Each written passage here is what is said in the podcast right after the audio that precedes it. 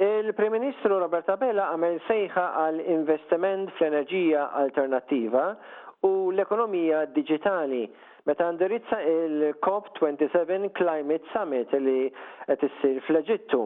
Huwa sejjaħ għal policies b'saħħithom f'dawn l-oqsma u sostna li Malta qed timplementa strateġija ta' dekarbonizzazzjoni li tieħu lejn il-carbon neutrality sas-sena 2050.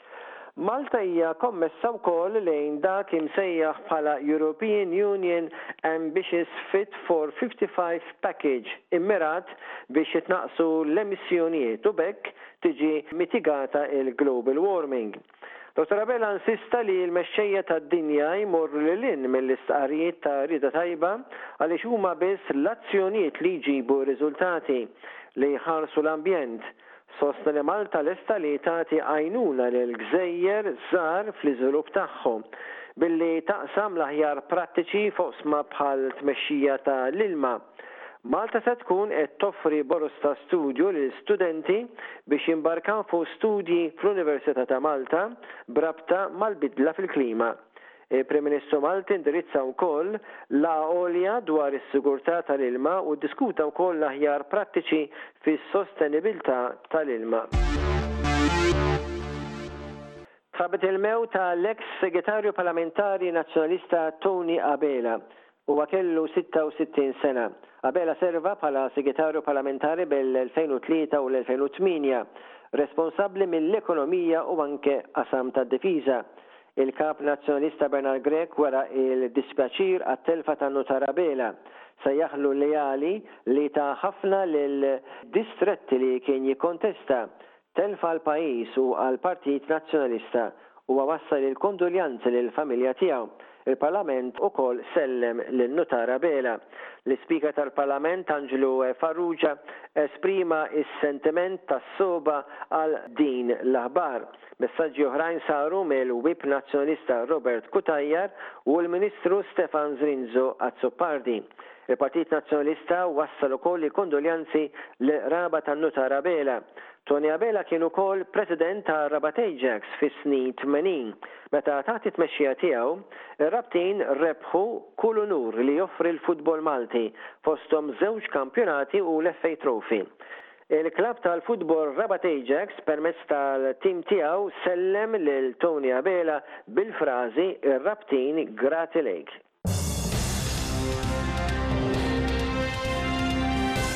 Il-Kabinett tal-Ministri ħareġ awtorizzazzjoni li tippermetti l-Ministru għall-Anzjani, il-Kirurgu Jo Etienne Abela, iwettaq numru limitat ta' operazzjonijiet mingħajr ħlas fis-servizz tas-saħħa pubbliku.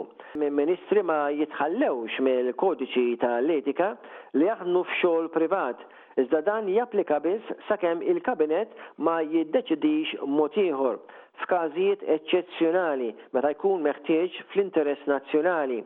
Il-Kabinett qal li evalwa din il-ġustifikazzjoni mis-Servizz tas-Saħħa Pubblika li rreferiet numru ta' kundizzjonijiet ta' saħħa serji fejn il-kompetenza tal-kirurgu Abela hija meħtieġa fl-interess nazzjonali. Is-Servizz tas-Saħħa qal li t-tagħrif tal-Ministru bħala Consultant Laparoscopic and Endoscopic Surgeon huwa importanti biex jiġi mgħoddi lil l-istudenti u jiżgura li servizzi bħal dawn jibqgħu aċċessibbli fil-futur. Il-Ministru Jo Etienne Abela ma kienx preżenti fil-laqgħa tal-Kabinett matul id-diskussjoni meta ingħatat l-awtorizzazzjoni. L-Avukat Ġenerali Victoria Buttigieg bdiet tixhed fil-magħluq fuq ordni tal-Qorti stess biex tispjega għaliex ħadet id-deċiżjoni li ma jinħarġux akkużi kontra uffiċjali tal-Bank Pilatus. Skont inkjesta maġisterjali, dawn kellhom jittieħdu passi kriminali kontrihom. Dan minkejja li kemm l-Avukat Ġenerali u l-Ispettur Pauline D'Amato mid-Dipartiment tal-Investigazzjoni ta' Reati Kriminali talbu biex ma jixhdux. Fl-għaxra ta' Ottubru l-Imħallef Christian Falzon Scerri laqa' talba ta' l-NGO Repubblika biex l-Avukat Ġenerali u l-Ispettur jittellgħu jixhdu Iżda dawn it-tnejn ressqu applikazzjoni biex tkun irrevokata din id-deċiżjoni, talba li ma ġietx milqugħa, u għalhekk kien se jkollhom jixhdu dwar dawn id-deċiżjonijiet. L-ispettur għandha tippreżenta l-istruzzjonijiet kollha li rċeviet u anke l-korrispondenza li kien hemm bejn id-dipartiment li fih taħdem u l-uffiċċju ta' l-Avukat Ġenerali. Kif kienet se tibda tinstema' l-kawża, l-Avukat Ġenerali talbet biex ix-xhieda tagħha tinstema' fil-magħluq u li joħroġ digriet biex il-xhieda ma tkunx ippubblikata jew ikun hemm xi leak. L-Avukat tar-Repubblika Jason Azzopardi qal li l-talbiet ta' l-Avukat Ġenerali jirriflettu mentalità ta' pajjiż kolonjali. L-Avukati ta' l-Avukat Ġenerali qalu li l-dokumentazzjoni ma tkunx ippreżentata fil-Qorti minħabba s-sensittività tagħhom. L-Imħallef staqsa lill-Avukat Jason Azzopardi jekk tistax tibda tixhed fil-magħluq u dan wieġeb li hu joqgħod għal dak li tiddeċiedi l-Qorti. Iżda wissa lil l-Avukat Ġenerali biex ma tibgħatx il-messaġġ kontra l-iskrutinju ta' uffiċjal pubbliku. Il-deċiżjoni tal-Qorti kienet li għalissa x-xhieda tibda tinstema' fil-magħluq. L-Avukat ta' l-Uffiċċju ta' l-Avukat Ġenerali, Fiorella Fenech Vella, infurmat lill-Qorti li xtaqu li x-xhieda ssir fil-magħluq u li d-dokumenti mitluba minn Repubblika jinżammu msakkra. Qalet li l-informazzjoni hija privileġġjata u ma tistax issir pubblika. Qalet li jekk il-kunfidenzjalità tinkiser, ikun hemm riperkussjonijiet negattivi għal Malta. Qalet jistgħu jitolbu lil Foreign Tribunal biex jagħti prova li l-partijiet huma pprojbiti milli jiżvelaw l-informazzjoni.